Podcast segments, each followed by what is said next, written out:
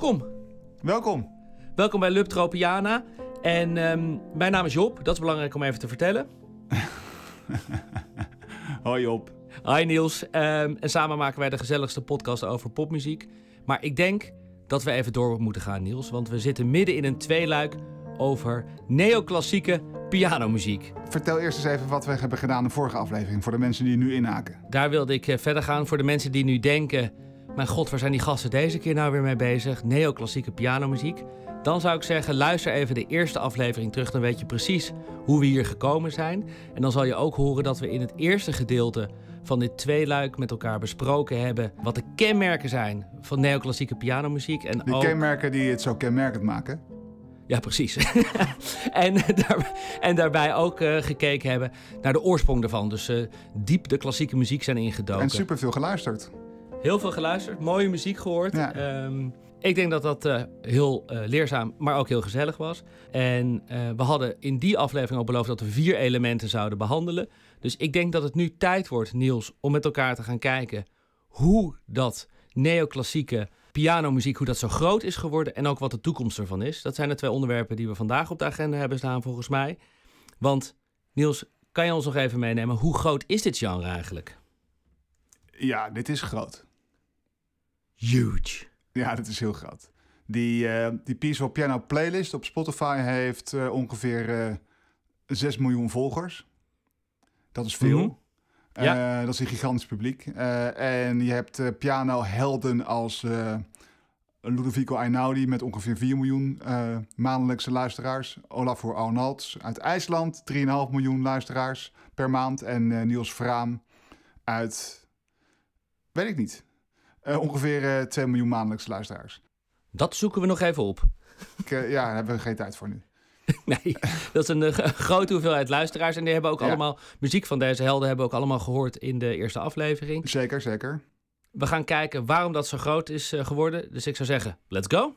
Ja, dat gaan we doen met eh, wederom wat hulp van wat eh pianomannen en één eh, vrouw. Dus dat doen we weer niet alleen, we doen dat samen. Want alleen samen krijgen we het genre eronder. Heel goed, Niels. In de eerste aflevering waren dat de Michiel Borslap, eh, de artiesten Praam en Guido. Kan je al verklappen wie we nog meer gaan horen? Eh, nee. Oh. Maar ik wil wel beginnen met eh, waar we vorige keer gestopt zijn. En dat was met, Mhm. eh, met Joep. En het gaat hier om eh, meneer Joep Beving.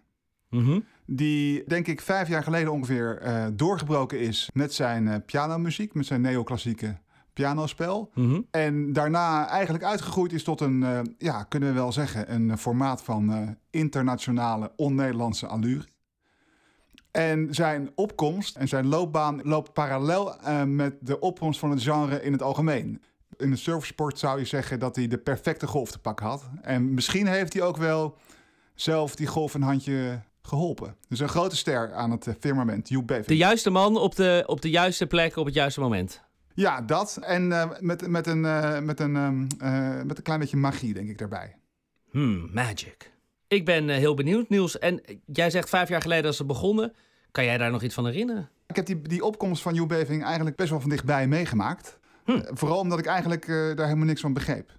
Oh, oké. Ja, nee, ik, ik hoorde die muziek en ik snapte eigenlijk niet hoe zoiets simpels zo enorm kon resoneren. Mhm, Maar goed, eh dit was denk ik 2015 of 2016 en mhm. Eh, Joep die zou zijn debuut maken in het concertgebouw. Daar heb je twee zalen, een grote zaal en een kleine zaal. En, en in de kleine zaal zou Joep Beving gaan optreden. En ik ging daarheen. Cool. Want ik dacht, believe de hype, ik ga luisteren. En stelde het teleur of was het zo awesome als de rest vond? Nou, ik merkte wel dat die, dat die zaal, die stond natuurlijk niet op zijn kop, maar daar, eh, dat kwam wel binnen, ja. ja. Dat is een heel intiem zaaltje, die kleine zaal. Ik weet niet of, je het kent, maar, eh, Ja, ik ken hem. maar ik, kon er dus, ik kon er dus niet zoveel mee. Er gebeurde helemaal niets. Om je heen viel iedereen in katzwijm en jij dacht, wat zijn die mensen allemaal aan het doen hier? Nou, dat waren ook voor een groot deel vrienden en familie. Maar toch deed het wel iets. eh, het, kwam, eh, het kwam binnen, zoals gezegd. En, en bij mij niet. Dus ik snapte dat niet helemaal. Mhm. Tot ik daarna, niet, niet lang daarna, weer in het concertgebouw was. de- Die eh, concertzaal in Amsterdam. En dit keer in de grote zaal. Ja, En in die grote zaal, daar was een piano-recital van werken van Johannes Brahms. Mhm. Nou, begreep ik van Joep Beving niet heel veel, het vijf jaar geleden. Maar van Johannes Brahms begreep ik al helemaal niks. Oh, oké. Die zaten alle twee in het verdomhoekje in jouw uh, muzikale smaak. Ja, groot componist, kunnen we wel zeggen. Mhm. Maar bij mij kwam zijn werken nooit echt binnen. Op de een of andere manier een soort hermetisch uh, gesloten bleef zijn oeuvre voor mij. Ik kwam er gewoon niet doorheen. Dus ik, ik uh, baalde een beetje dat dat op het programma stond in het concertgebouw. Uh, ja, je daagt jezelf wel elke keer uit, Niels. Dus elke keer naar, naar uitvoeringen van, van dingen die je eigenlijk niet zo mooi vindt. Ja, nou ja, als je jezelf niet meer uitdaagt, dan is denk ik het einde zoek. Welkom bij Lub Tropiana. Oké, okay, laten we doorgaan. Jij zit in die zaal bij Brahms waar je van baalde. En toen? Ja, duurt dit te lang, dit verhaal? Nee, hè? Nee. nou, nog niet, maar anders doen we het nog nee, een keer. Maar nee, ik zat daar, ik zat daar. Precies, Ja. ik zat daar. En wat, wat er toen gebeurde, zal je verrassen en verbazen, Job. Klik bij het Niels, let's go. ik werd dus plotseling gegrepen voor het eerst in mijn leven door de intense intimiteit van Johannes Brahms. Hmm. Ja, het was een, eh, een recital met allerlei intermezzi en ballades. En korte pianostukken zijn dat. Ja. En ehm, dat, dat, kwam, ehm, dat kwam behoorlijk binnen. Ja. En ehm, op een hele particuliere, individuele manier. En in het programmaboekje stond ook, weet ik me nog heel goed herinneren... dat, dat mensen zeggen over zijn muziek dat hij... dat eigenlijk één luisteraar al te veel is. Dat het zo ontzettend intens en intiem is wat hij schrijft... Mhm. Dat het gewoon bijna te veel is om, om op te voeren. Nou klinkt dat natuurlijk heel erg ook romantisch. En deze man was natuurlijk bij uitstek een romanticus, eind 19e Ja. eeuw. Maar dat kwam dus over heel erg. Niels, kunnen we daarna gaan luisteren alsjeblieft? Want jij hebt ons wel heel erg lekker gemaakt. Ja, zullen we eventjes een stukje ballade opzetten van eh, Johannes Brahms? Ik ben heel benieuwd. Hartstikke leuk verhaal toch, Niels?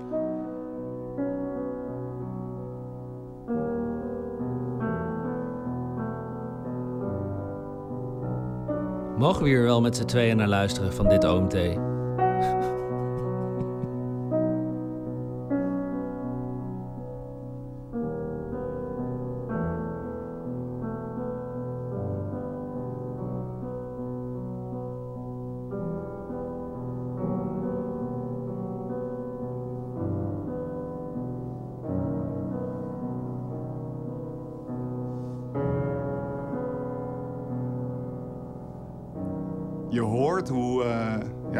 niet of je daar misschien bij had moeten zijn. Maar dit is zo verschrikkelijk diep. De hele zaal was muis en muisstil. Dit wordt helemaal afgebouwd tot er niks meer over is. Ja, Het bromt ook echt, hè? ja Johannes bromt. Misschien kan je je bij voorstellen, als je dit eh uurlang hoort, dan zit je er helemaal in. En voor het eerst had ik dat. En dit eh, was voor mij een soort openbaring. Mhm. En ik realiseerde me eigenlijk op weg naar huis dat dit ook precies datgene is wat Joep communiceert. Ah, en toen heb je dat ook een tweede kans gegeven. Dit heb ik een tweede kans gegeven. Ik heb toen zijn, eh, volgens mij zijn tweede album, wat toen net uit was, eh, een paar keer op eh, repeat eh, gehad. En wat ik merkte is dat hij, dat hij met zijn muziek heel erg dichtbij komt. Dus ehm, heel dicht bij de luisteraar. Alsof er heel weinig tussen de uitvoerder en de luisteraar zit. Eh, hij doet dat door allerlei conventies te, te, doorbreken. Het is vrij simpele muziek. eh, niet ingewikkeld. Maar daardoor komt hij dus ook zonder omwegen meteen binnen, eh, waar hij binnen moet komen. En het heeft ook daardoor een bepaald soort tijdloosheid, die muziek. Alsof die uit een soort universeel vaatje tapt, waar Johannes Brahms ook toegang tot had. Jemig, prachtig. Prachtig omschreven, Niels. En daar houdt de gelijkenis niet op, want ze hebben toevallig ook allebei een gigantische baard. Laten we even naar Joep gaan luisteren, het nummer Ab Ovo. Daar gaan we.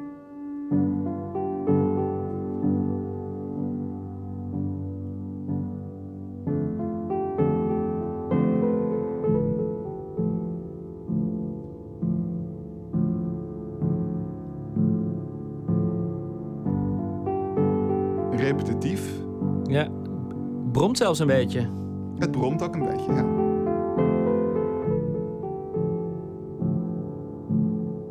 Nou, ik vind dit dus eh, van dezelfde intensiteit. Ja, En eh, iets meditatiefs heeft het ook. ja Als, wilde ik ook eh, net zeggen, ja. Hypnotiserend meditatief. Ja. ja, alsof het er altijd al geweest is bijna. Heel mooi. Ja, dus eh, prachtig. En eh, hier blijkt ook maar weer uit... eh, hier komt een mooie quote, ik weet niet van wie die is. Het meest persoonlijke is ook meteen het meest universele.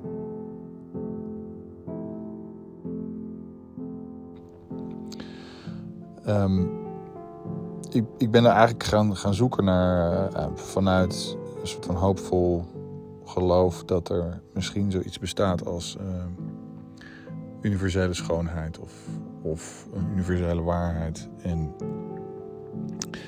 ja, wat is dat dan?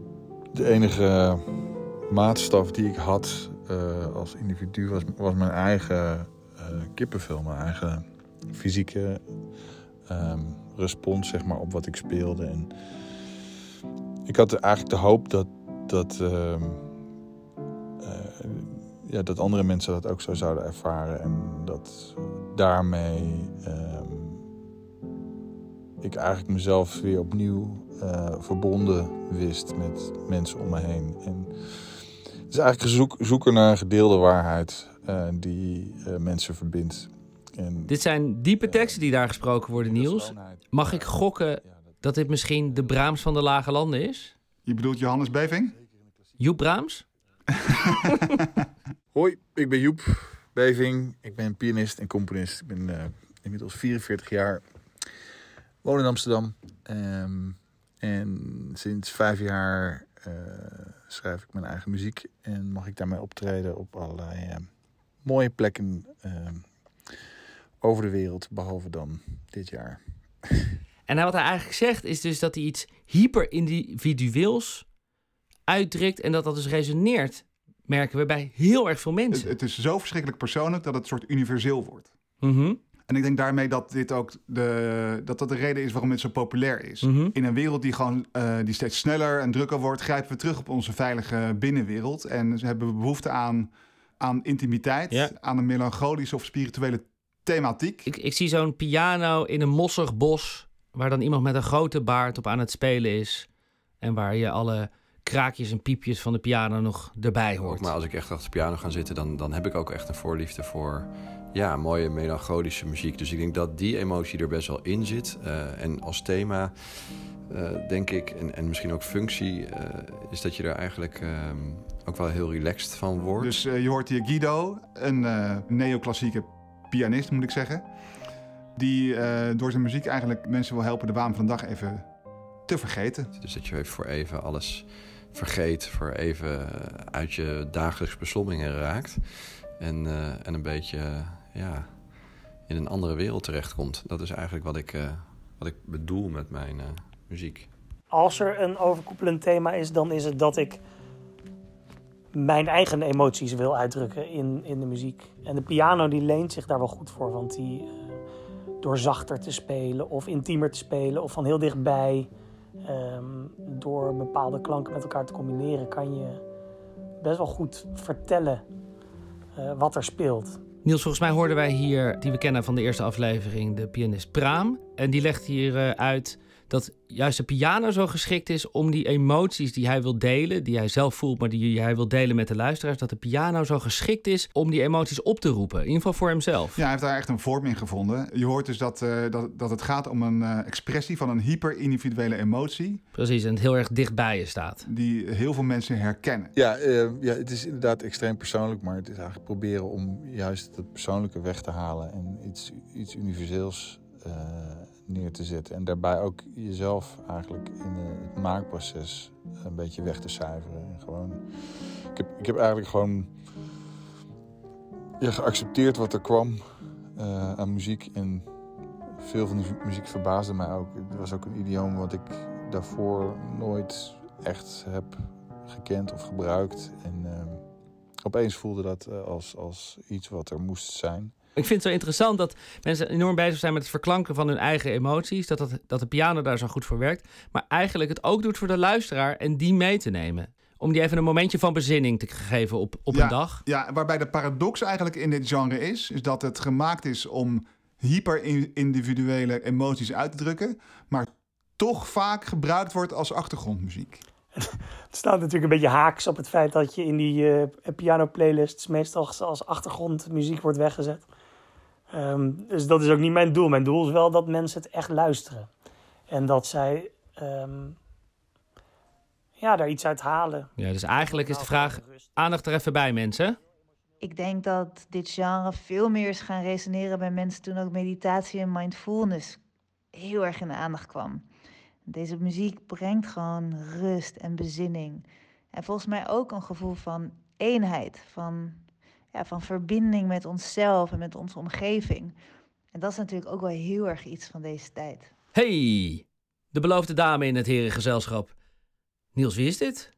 Ik ben Iris Hond. Ik ben pianiste, componiste, theatermaker.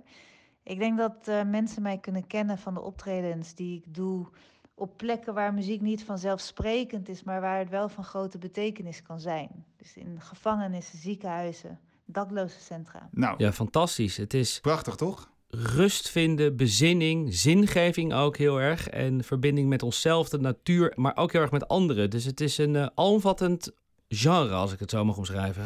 Ja, en um, het is ook geen toeval, volgens mij, dat deze pianisten, dat veel van deze pianisten, laat ik het zo zeggen, ook geen um, officiële opleiding hebben. En in strikte zin dus uh, amateur zijn. We hadden het in aflevering 1 al over The Age of the Amateur. Mm -hmm. En over de amateuristische klank van die piano's die onaf klinken. Ja. Uh, Joep, Guido, nog Praam hebben een uh, officiële conservatoriumopleiding.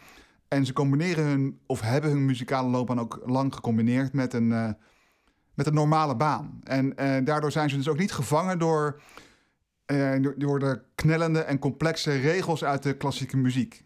Ja, die, die simpelheid, dat... Kijk, zolang het niet simplistisch is, um, is simpel niet verkeerd. Proberen een idee uh, te reduceren tot de kern, dat, dat is het in zekere zin. Maar uh, ik heb geprobeerd. Om... Hè? Dus, dus in, in die beperking eigenlijk uh, toont zich de meester. Ja, een beetje net zoals bij het maken van een podcast. Nou, zo is het. Veel van deze neoclassieke pianisten hebben geen conservatorium gedaan. Wat misschien aan de ene kant een belemmering is, want ze hebben niet de technische bagage en de, en de kennis. Maar daarentegen zijn ze vaak wel heel erg vrij in, in hun spel en in, in wat ze schrijven en ontwikkelen ze juist heel erg een eigen identiteit. Ik, ik, speelde vroeger een beetje jazz. Muziek, dat poogde ik. En uh, op een gegeven moment ja, kon, ik dat, kon ik daar ook mezelf eigenlijk niet eens meer mee uh, bekoren. En ben ik eigenlijk, uh, toen ik nog speelde, ik speelde niet vaak meer, maar steeds meer noten gaan weglaten en op zoek gegaan naar, ja, naar een soort van essentie en uh, datgene wat me dan wel raakte. En ja, toen kwam ik bij een, eigenlijk per ongeluk bij een soort van klassiek uit. Um, ik zie het zelf meer. Ja, het is dus muziek gemaakt door relatieve outsiders. En dat spreekt dus ook ons heel erg aan, want wij voelen onszelf natuurlijk ook af en toe outsider. Ja, inderdaad. Uh, niemand is perfect. Het is een beetje dubbel om een, een baan te hebben naast het muzikantschap. Uh, het is aan de ene kant heel fijn, want die baan geeft mij geld. En dat geld gebruik ik weer om alles te investeren in mijn project. Wat voor de rest een bodemloze put van investering is. Uh, want tot dusver is het vooral um, een, een dure, uit de hand gelopen hobby waar ik mijn creatie in kwijt kan. En dan is het heel fijn dat ik een baan heb waar ik daadwerkelijk geld voor krijg. Uh, Juist door het hebben van een baan of van ander werk is uh, Praam in staat om zijn artistieke ambities vorm te geven. Dat is een beetje wat je al zei, die Age of the Amateur, waarin inderdaad het amateurisme eigenlijk omarmd wordt, op het schild wordt gehezen. Als je je eigen trui breidt en je laat een paar steken vallen, dan is het eigenlijk alleen maar mooi en authentiek en wordt die imperfectie omarmd. Mm -hmm. ja. Heel tof. Ja. Is het iets van deze tijd? Want het klinkt heel erg um, millennial-like. Nou, we hadden het de vorige aflevering uh, over Beethoven, Erik Satie en uh, Philip Glass als inspiratiebronnen voor het genre. Ja. Uh, nou ja, om te beginnen, Beethoven is natuurlijk het uh, enfant terrible, het archetype van de outsider-componist. En Satie, Erik Satie werd van het conservatorium geschopt zelfs, omdat hij daar, nou dat weet ik eigenlijk niet precies waarom. Schurry Murray. Precies, precies. Scheer je weg, Satie. En Philip Glass had tot zijn 43ste verschillende bijbaantjes. Dus uh, die was loodgieter, taxichauffeur en verhuizer. En naast dat het inkomsten genereerde, stelde hem dat ook in staat om beter zijn werk te doen als uh, componist, vertelde hij. Ja, kan ik me voorstellen. Zo is er een, uh, ja, kan je dat voorstellen? ja, kan, je hoort het. Ja, nee, zo is er ook een, het is een verhaal over een criticus in New York. Die was naar een concert van Philip Glass geweest. En de dag daarna zou zijn nieuwe vaatwasser geïnstalleerd worden. En wie belt er aan? in hoogste eigen persoon, Philip Glass, die zich eh, daar totaal niet voor schaamde en het eerder, eerder vervelend vond dat hij herkend wordt dan dat hij eh, dat kon waarderen. Heel repetitief, denk ik, dat installeren van die vaatwassers. Ja, hoor je ook terug in zijn muziek. Ja, prachtig. Ehm, we waren eigenlijk begonnen, om toch weer even terug naar de agenda te gaan. We waren begonnen om te kijken waarom dit genre nou zo groot was geworden. En in de vele quotes die we voorbij hebben horen komen, vertellen al onze pianoman en pianovrouw dat het eh, gaat om de intimiteit, om het persoonlijke, om het meenemen van de luisteraars. En dat een van de redenen dus waarom dit genre zo populair is. Maar zijn er nog andere elementen waarom dit zo groot is? Dus het resoneert bij veel mensen, maar kunnen er nog momenten misschien in de geschiedenis aanwijzen of eh, andere zaken waarom dit juist nu zo groot is? Juist nu.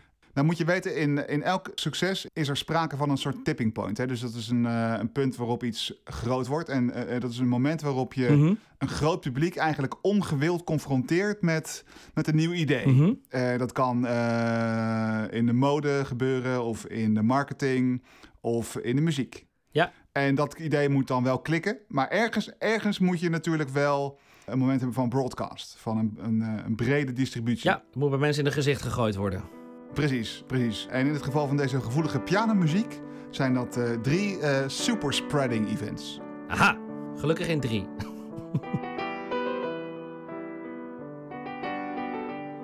Tududun, tududun. Dit kennen we natuurlijk wel, Niels.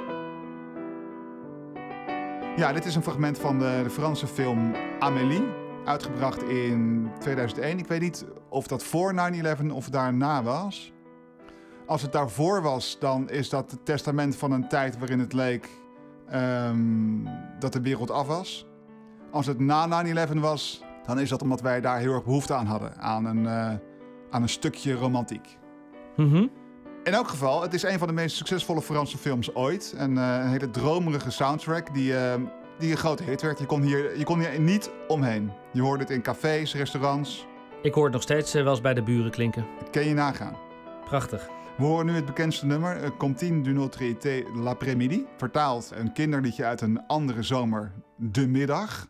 Goeie Franse naam. Ja, Uh, Gemaakt door, gecomponeerd door Jan Tiersen, die ook veel andere soort muziek maakt, maar toch wel eh, achter um, de, de motor is achter de opkomst van het genre eh, de afgelopen twintig jaar. Met deze film Amélie eh, werd daar eh, in ieder geval een, eh, een stip op de kaart mee gezet. Eh, en hij zegt ook over zichzelf: Ik ben niet echt een componist en ik heb ook niet echt een, ehm, een klassieke achtergrond. Dus eigenlijk ook een beetje een outsider, die toevallig een enorme hit scoorde met deze soundtrack.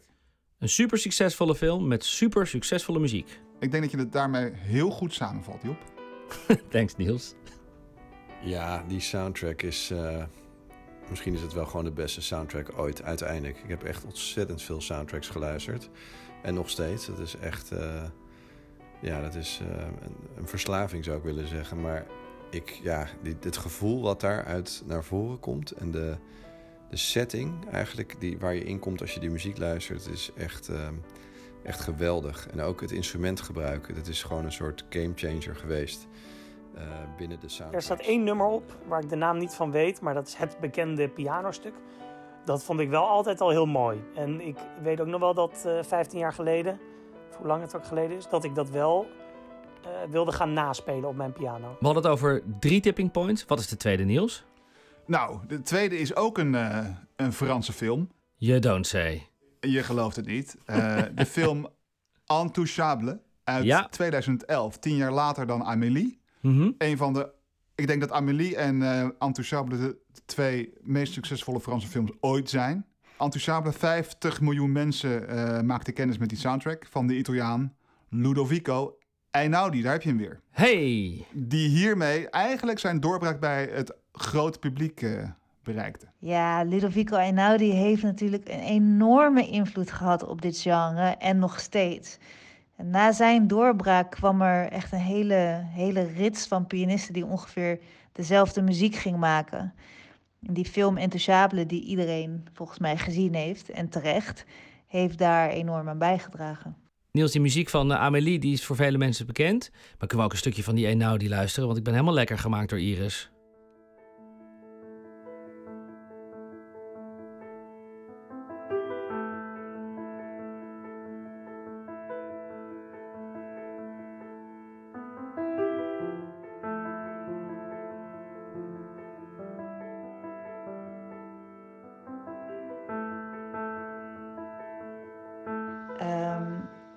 Vind het fantastisch om zijn muziek te spelen, omdat het. Ik vind het zelf heel erg mooi en ik vind het ook mooi wat het met mij doet als ik speel. Maar de reacties van het publiek zijn ongelooflijk. En ehm, ik heb nu een aantal tournees met zijn muziek gedaan. Het is echt ongelooflijk ook hoe snel dat is uitverkocht. Hij is zo ontzettend populair. En. Niels, we hebben twee tipping points behandeld. Uh, twee Franse films met twee uh, neoclassieke pianomuziek soundtrack masters. Je gaat me niet zeggen dat de derde ook een Franse film is, toch? Nee, de, de derde is een uh, Zweeds technologiebedrijf. Wauw. Ja. Jij hebt het over Spotify, Spotify, volgens mij. Ja, ja het, het, gifgroene gevaarte uit Stockholm. Mm Ja, streaming in het algemeen natuurlijk ook. Uh, Spotify in het bijzonder. Ja. Maakt het makkelijker om muziek te verspreiden en te maken. Dus je hebt als artiest de wereld aan je vingertoppen. En als luisteraar heb je ook de wereld aan je vingertoppen. dus je kunt elkaar aanraken. Over pianomuziek. Precies, maar, maar goed, hoe luisteren mensen naar streaming? Ergens moet je natuurlijk cureren. Je, je kunt nummers gaan luisteren, je kunt albums gaan luisteren. Mm -hmm. maar, uh, maar Spotify is opgezet met het idee van, van speellijsten, playlists. En die speellijsten die worden door data gevoed. Dus uh, wat Spotify zeker in het begin nog heel veel deed, was de data informeerde eigenlijk welke genre populair was. En dan maakte er een, uh, een mens maakte er een playlist van. Mm -hmm. En hierdoor kwamen ze erachter dat dat genre neoclassieke pianomuziek super populair aan het worden was. Dus toen kwamen er playlists met namen als Calm and Focused of Peaceful Piano of 88 Keys. Uh -huh. En voeden ze die markt daarmee. Maar die markt was er eigenlijk al en die is ontdekt of eigenlijk groot gemaakt door streaming, door Spotify. Een beetje wat je ook met de Nederlandstalige hip-hop hebt gezien. Waar ook niet heel veel aandacht voor was, maar door Spotify dat je ziet dat de charts, de streaming charts, echt vol staat met uh, Jo Silvio's en de Little Kleiners. Ja, je kan je natuurlijk maar voorstellen dat dat neoclassieke genre, dat, dat de poortwachters van de radio en de televisie, die bepaalden wat, wat voor muziek er gedraaid werd, die, ja. die, die draaiden geen Nederlandse hip-hop, maar ook niet neoclassieke pianomuziek. Dat kwam er bij Nee. Radio 4 niet in. Nee, daar werd de neus een beetje voor opgehaald.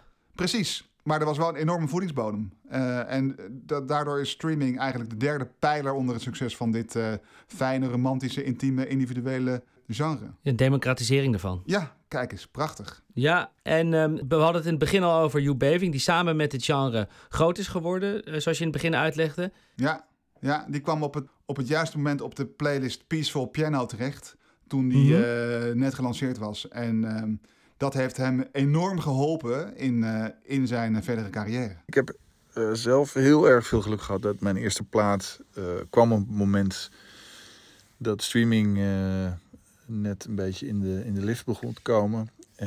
en ook het, het genre wat aangeduid wordt met de naam neoclassieke, neoclassical, neoclassieke muziek.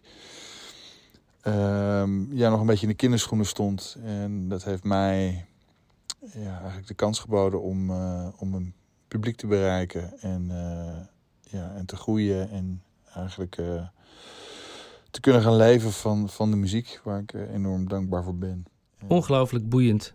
Je wordt dus groot door zo'n platform. Ja, ja, dat helpt je dus enorm. Ja, dus de sleutel tot het succes ligt daar. Maar hoe kom je in godsnaam op zo'n playlist terecht dan? Ja, eerlijk gezegd heb ik geen idee. Want ik ben dus in het begin van mijn carrière... met het tweede liedje kwam ik al in 88 Keys... voor mij een volslagen verrassing was. En toen ben ik eigenlijk heel lang niet in een editorial playlist gekomen. Maar ik scoorde wel goed bijvoorbeeld met sommige nummers zoals Solum. En, um, maar hoe ik nu in Calm en Focus ben gekomen... Dat zou ik niet weten, maar ik ben er in ieder geval ontzettend blij mee. En ik hoop Guido heeft geen idee hoe die op zo'n playlist terecht is gekomen. Nou, uh, maar het, het helpt wel enorm in, de, in het succesvol worden in het genre. Heeft uh, Praam een beter idee erover? ik heb heel veel ideeën. Um, er is, er is een, een, wereld aan publishers en uitgevers die al dan niet mensen kennen.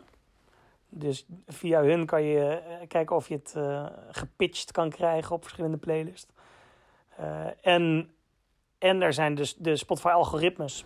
Dus je merkt wel als je een nummer uitbrengt en het komt bijvoorbeeld in Best Classical New Releases terecht. En als hij het daar goed in doet, dan kom je weer op andere playlists terecht. Dat, is, dat merkte ik ook wel bij um, het nummer Effre van mij. Dat dat in die volgorde op een gegeven moment op een playlist terecht kwam. Dus ik, ik weet ook nog steeds niet in hoeverre... Het is dus volstrekt onduidelijk hoe je op zo'n lijst terechtkomt, maar het is wel fijn volgens mij. Ja. We hadden het over drie evenementen die ervoor zorgen dat dit eh, genre tot grootste hoogte is gestegen. Twee Franse films met soundtracks en Het Groene Gevaarte uit Zweden. We hadden ook nog beloofd om het over de toekomst van het genre te hebben. Niels, waar staan we nu? Nou, die, die drie super spreading events, die hebben natuurlijk dit genre tot een eh, enorme grote hoogte weten te duwen. Met, met Joep als eh, lokale Nederlandse held. Ik denk dat dit nog wel een tijdje bij ons blijft, net zoals Nederlandse hiphop. Ja. Maar eh, ik denk dat het ook zaak is dat deze componisten zich verder gaan ontwikkelen. Hmm. Ja, ik heb heel veel ideeën over wat ik allemaal wil doen. Dus ik heb een project met strijkers en ik heb een project met Mag niet meer, hè, met strijkers. En ik heb een project met zang. en die heb ik allemaal al in de stijger staan om daar iets mee te gaan doen. Ehm, Ja, ik ben al eh, druk bezig met, eh, met mijn nieuwe album. En ehm, ik probeer eigenlijk verschillende werelden samen te smelten. Dus piano, eh, ambient, klassiek, maar ook een beetje dance, een beetje techno. iets meer nog de, de soundtracky-achtige kant op. Ehm, en, en, en in die stijl met verschillende instrumenten en elektronica en strijkers en, en blazers en drums. eh, steeds meer. Je ziet dus bij- bij zowel Pram als bij Guido dat ze toch met meer instrumenten willen gaan werken. Houseier worden, ambient, new ageriger worden. Tof om te zien. Heel benieuwd naar wat eh, deze projecten ons gaan bieden. Dus eh, daar kijken we naar uit. Ik denk dat we het laatste woord moeten geven aan eh, de godfather van het genre in Nederland, Joep Beving. Het is volgens mij gewoon een, een, een, een, soort van samenkomst van ambient, pop, elektronische muziek en klassiek. En ik denk dat dat aan zich eh, alleen nog maar een begin is. Eh, het ehm, gebruiken van, van, van klassiek was natuurlijk heel lang ja, binnen, binnen de pop of de, de indie-wereld ja, niet, niet echt gemeengoed. En nu kan iedereen dat doen. Dus ik, ik denk dat die samensmelting die gaat alleen maar verder eh, groeien. Of dat dan nog steeds neoclassiek heet, dat weet ik niet. En dat maakt me ook niet zo heel veel uit. Ik denk wel dat wat er nu onder wordt verstaan, dat dat wel een beetje aan het verzadigen is. Ja, dat komt misschien ook wel weer door eh, de populariteit van bepaalde pla- playlists op eh, platforms als Spotify, die, die toch wel gaan voor soms keuzes die wel erg gemakkelijk zijn, eh, vind ik. En ik denk dat heel veel mensen dan op een gegeven moment het wel zat zijn als ze weer een verstilde pianotrack horen. Eh, en zeker eh, als straks corona voorbij is, denk ik dat mensen eh, ja, wel even genoeg introspectie hebben gehad en heel graag willen dansen en naar buiten en euforie. Waar Joep zegt, de makkelijke keuze moeten we schuwen.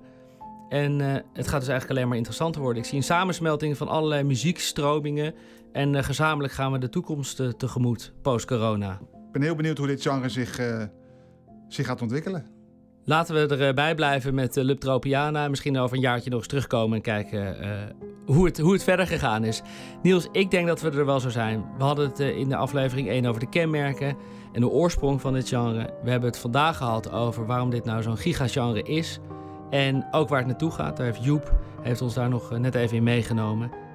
Ik ben een stuk wijzer geworden. Het wordt nu tijd voor mij om rustig op de bank neer te vlijen met een boekje. En op de achtergrond misschien wat mooie neoclassieke pianomuziek van een van de pianomensen uit Liptro Piana.